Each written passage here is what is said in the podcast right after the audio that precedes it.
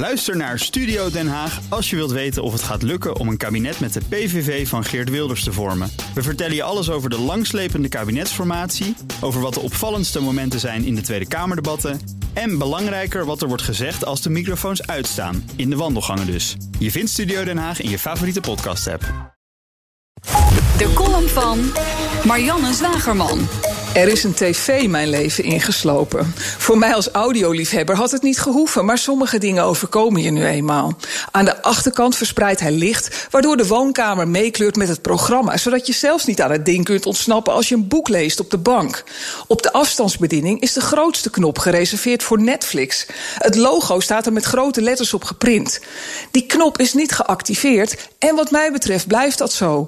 Uit alle onderzoeken blijkt dat mensen met een Netflix-abonnement geen seks meer hebben. Dus als die knop ooit aangaat, stap ik eruit.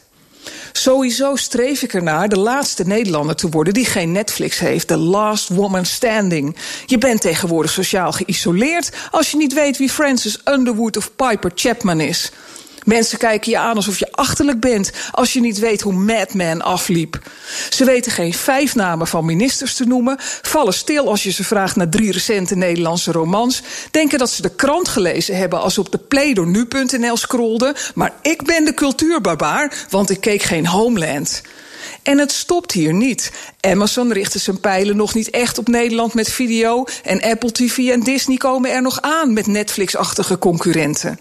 De strijd om de tv-kijker die wil betalen voor programma's wordt later dit jaar alleen maar heviger. En alle kapers op onze kusten komen uit Amerika.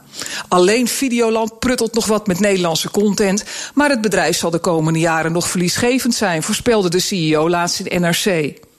In het financiële geweld waarmee de Amerikanen investeren in videoproducties, zie ik het somber in voor lokale spelers.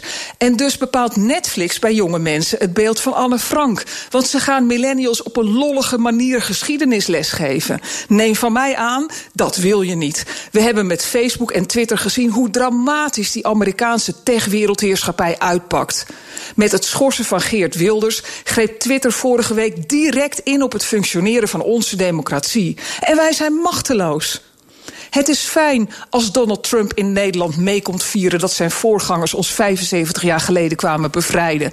Maar hij mag zijn rommel mee terugnemen. Dan houden wij Anne wel.